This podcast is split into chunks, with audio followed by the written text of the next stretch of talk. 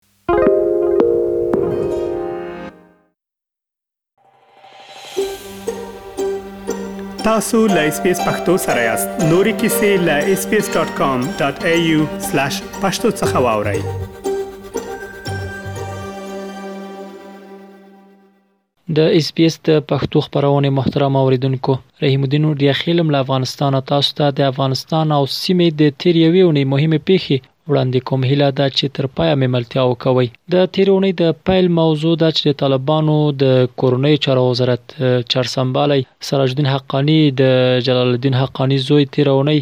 د لومړۍ ځل لپاره د رسنیو پر وړاندې راښکاره شو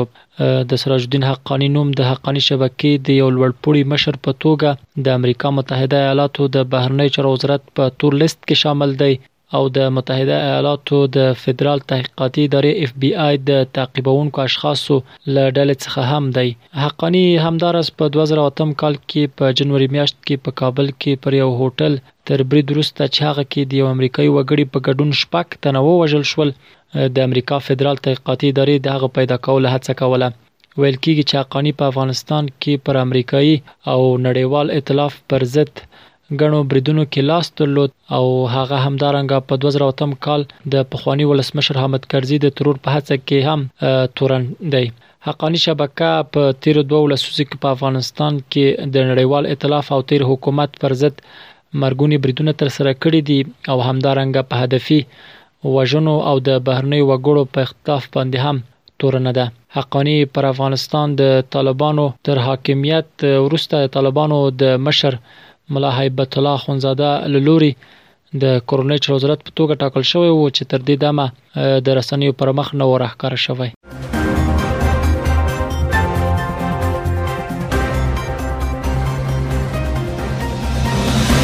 د اسلامي هېوادونو همکاریو سازمان له نږدې اوو میاشتو ځنډ وروسته کابل کې خپل دفتر پرانیست. دغه سازمان د تېرې اونۍ د یکشنبې په ورځ وویل چې په کابل کې د خپل دفتر په پرانیستلو سره به هڅه وکړي چې له افغانستان سره د نړیوالو شریکانو په بشري مرستو کې همغږي رامنځته کړي. په کابل کې د دې سازمان مشري به محمد سید العیاش کوي. دې سازمان همداراز ویلي چې د اسلامي همکاریو سازمان به له افغانانو سره د بشري مرستو په برخه کې خپل مسوولیت هم ترسره کړي. د اسلامي هېوادونو همکاریو سازمان تېره اونۍ په افغانستان کې د اړمنو خلکو سره د بشري مرستو دوام خبر هم ورکړ. په افغانستان کې د طالبانو له واکمنېدو وروسته د نړیوالو مرستو د بندېدو او دننه په دې هېواد کې د کار و بار په کمېدو سره د افغانستان خلک نه یوازې د بې ساري فقر بلکې د خوراکي توکیو له کمښت سره هم مخامخ شول. نړیوال سازمانونو خبرداری ورکړی چې اوسمهال په افغانستان کې میلیونونه کسان د لوږې او قحطۍ سره لاس او ګریوان دي.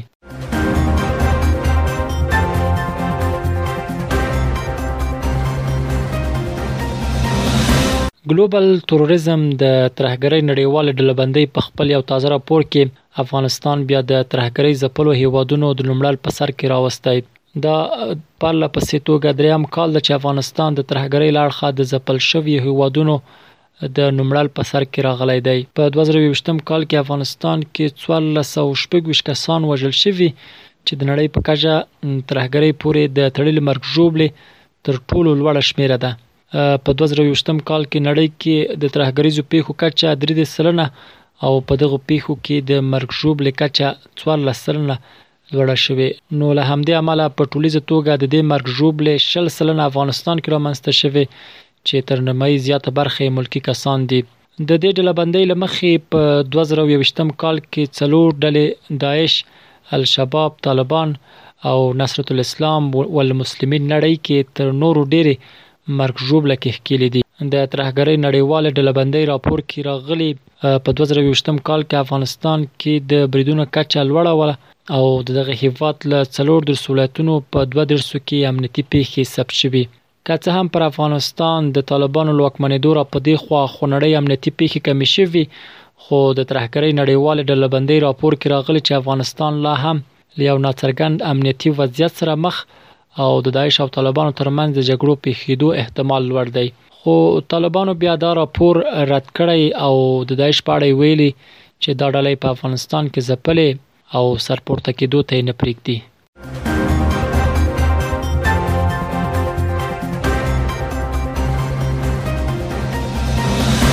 افغانستان او پاکستان د سیوي هوکړې ته سره رسیدلې چې لمخې دواړه هیوادونه کولای شي لدې وروسته په آزادانه توګه د ترانزیت لپاره د یو بل له خاور استفاده وکړي دا خبره د پاکستان د صدر اعظم مشاور عبدالرزاق داود کړي ویلي دي د دې هوکړې پر بنسټ د مارچ له یوویشتمې نېټې څخه د پاکستان باروړونکي موټر د افغانستان خاورې ته او دغه راز افغانستان موټر د پاکستان خاورې ته په ازادانه توګه تګ راتګ کولی شي. هغه ویلي چې د افغانستان اړخ ته باروړونکي موټر کولی شي له کرښې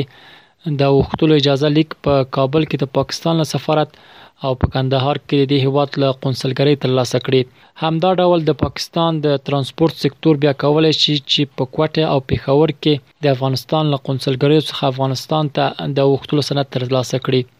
په ټوله کې باید ووایم چې د پاکستان او افغانستان ترمنځ داسې مهال دا هوکړه لاسلیک کیږي چې له دې مخکې افغان سوداګرو پاکستان ته د ترانزیټ په برخه کې په ځلونو شکایت کړی و او دغه راز په دې وروستیو کې د دواړو هیوادونو ترمنځ د سوداګرۍ کچه هم خپلې ټیټې کچې ته رسیدلې وه.